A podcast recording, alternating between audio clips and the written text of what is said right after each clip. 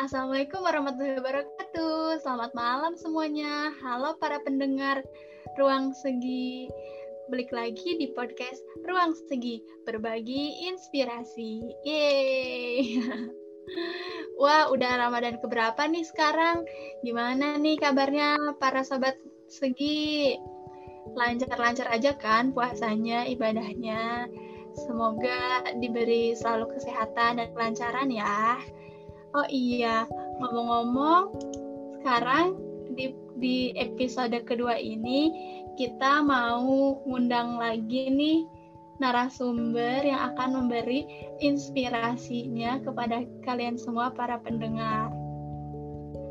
Oke, sebelumnya kenalin dulu uh, saya Karima yang akan menanyakan sedikit gitu ya, apa sih motivasi seorang Ataya Zahrani gimana? Gimana Ataya sudah siap? Hai, siap Kim. Oke, okay. sebelumnya nih Tai, gimana kabarnya?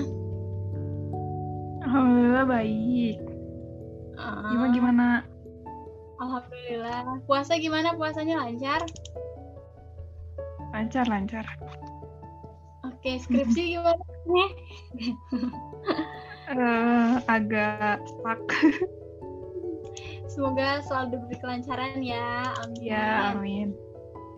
Nah, langsung aja yuk kita masuk ke perbincangan kita.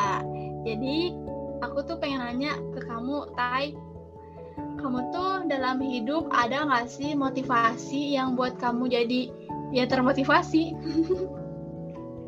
ada, ada.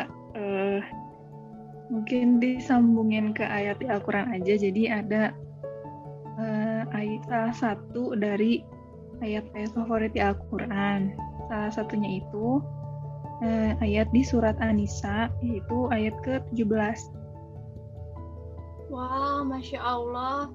Jadi uh, motivasinya gitu ada di Al-Quran ya, di surat An-Nisa ayat 17. Kenapa sih, Tai, kenapa sih ceritain dong, kenapa bisa bisa Anissa ayat 17 gitu? Uh, mungkin dilihat dari arti dari ayat ke-17 surat Anissa dulu itu ya. Jadi artinya itu, sesungguhnya bertobat kepada Allah itu hanya pantas bagi mereka yang melakukan kejahatan karena tidak mengerti, kemudian segera bertaubat. Taubat mereka itulah yang diterima Allah. Allah maha mengetahui, Allah maha bijaksana. Uh, ini langsung ceritain aja nih gimana awal tahu ayat dan alasannya gitu ya Im. Iya iya boleh banget Tay. Gimana sih awalnya bisa tahu surat itu? Uh, gimana ya awalnya itu emang udah nge kalau setiap Ramadan harus baca arti ayat Al-Quran minimal satu halaman. Kadang tercapai kadang enggak sih. Terus biasanya aku nge-highlight kata-kata yang benar-benar bagus dan penting. Nah waktu itu pas baca ketemulah arti di surat Anisa ayat ke-17 ini yang menurut aku bagus dan dalam banget itu nah oh, terus mm terus kenapa sih bisa suka ayat itu gitu jadi mungkin yeah. diceritain aja ya uh, dari awal saya pernah nggak sih kalian ada di masa-masa kalau hidup kalian itu benar-benar buruk, misalnya ibadahnya itu cuma seperlunya, yang penting udah ibadah aja tanpa memaknai kita beribadah itu buat siapa dan kita beribadah itu dilihat oleh siapa. Terus benar-benar terus-menerus berbuat maksiat, berbuat maksiat tanpa sadar apa pun sama sekali. Terus pernah nggak sih nggak pernah ingat mati, jadi terlalu yakin kalau besok kita masih ada, kita masih hidup. Padahal siapa sih yang bisa jamin intinya saat itu uh, aku benar-benar lupa lupa sama Tuhan, lupa sama Allah gitu. Aku cuma mentingin yang bikin aku senang, yang bikin aku nyaman tanpa ngeliat rasa senang itu atau dan rasa nyaman itu sumbernya dari sesuatu yang halal atau haram. Nah setelah itu, alhamdulillahnya aku dapat hidayah. Mungkin bisa kalian nanti diceritain tentang dari mana, gimana, dan kapan aku dapat hidayah itu di episode podcast yang lain. Nah terus, aku tobat deh bisa dibilang putar balik 180 derajat lah gitu, singkatnya ya. Dan saat itu, aku sadar kalau dulu aku aku ada di fase kalau aku itu belum ngerti belum ngerti tanda kutip ngerti dalam agama gitu ya. Aku belum ngerti kalau bakal jauh lebih indah kalau kita itu ada di jalan yang lurus. Bahkan bakal jauh lebih senang kalau kita itu tahu aturan-aturan yang sebenarnya di dalam hidup dan bakal lebih senang lagi kalau kumpul sama teman-teman yang semisi dan sevisi dalam kebaikan. Nah, dan berdasarkan surat An-Nisa ayat 17 tadi yang isinya menyinggung tentang bertaubat kepada Allah itu hanya pantas bagi mereka yang melakukan kejahatan karena tidak mengerti. Aku berharap kalau semua taubat-taubat aku yang dulu benar-benar akan menghapus dosa-dosa aku di saat aku belum ngerti. Nah, di sini di highlight ya di saat aku belum ngerti apa pun gitu. Karena aku dulu, dulu itu benar-benar lupa diri. Nah, setelah itu, setelah baca dan tahu ayat ini, aku sadar dan mikir, kalau sekarang sebelum aku mau ngelakuin dosa-dosa yang sama, apa pun itu dosanya, di dalam hati suka bergelut gitu.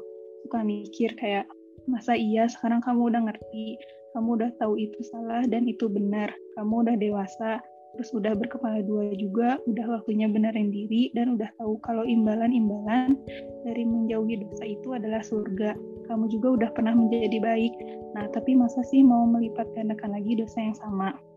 Ngerti gak maksudnya? Jadi kayak ayat ini tuh ayat yang istimewa banget, jadi mengingat buat kita semua, ter terutama buat diri aku pribadi kalau sesungguhnya bertobat kepada Allah itu hanya pantas bagi mereka yang melakukan kejahatan karena tidak mengerti, kemudian segera bertaubat. Taubat mereka itulah yang diterima Allah gitu.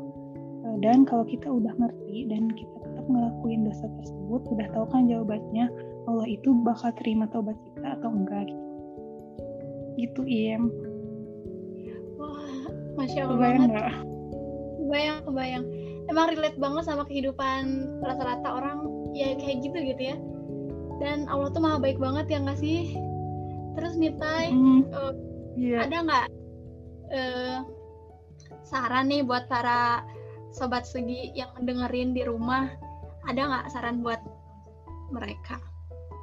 Uh, ada ada. Uh, tapi mungkin kesimpulan gitu dari cerita-cerita aku yang sebelumnya.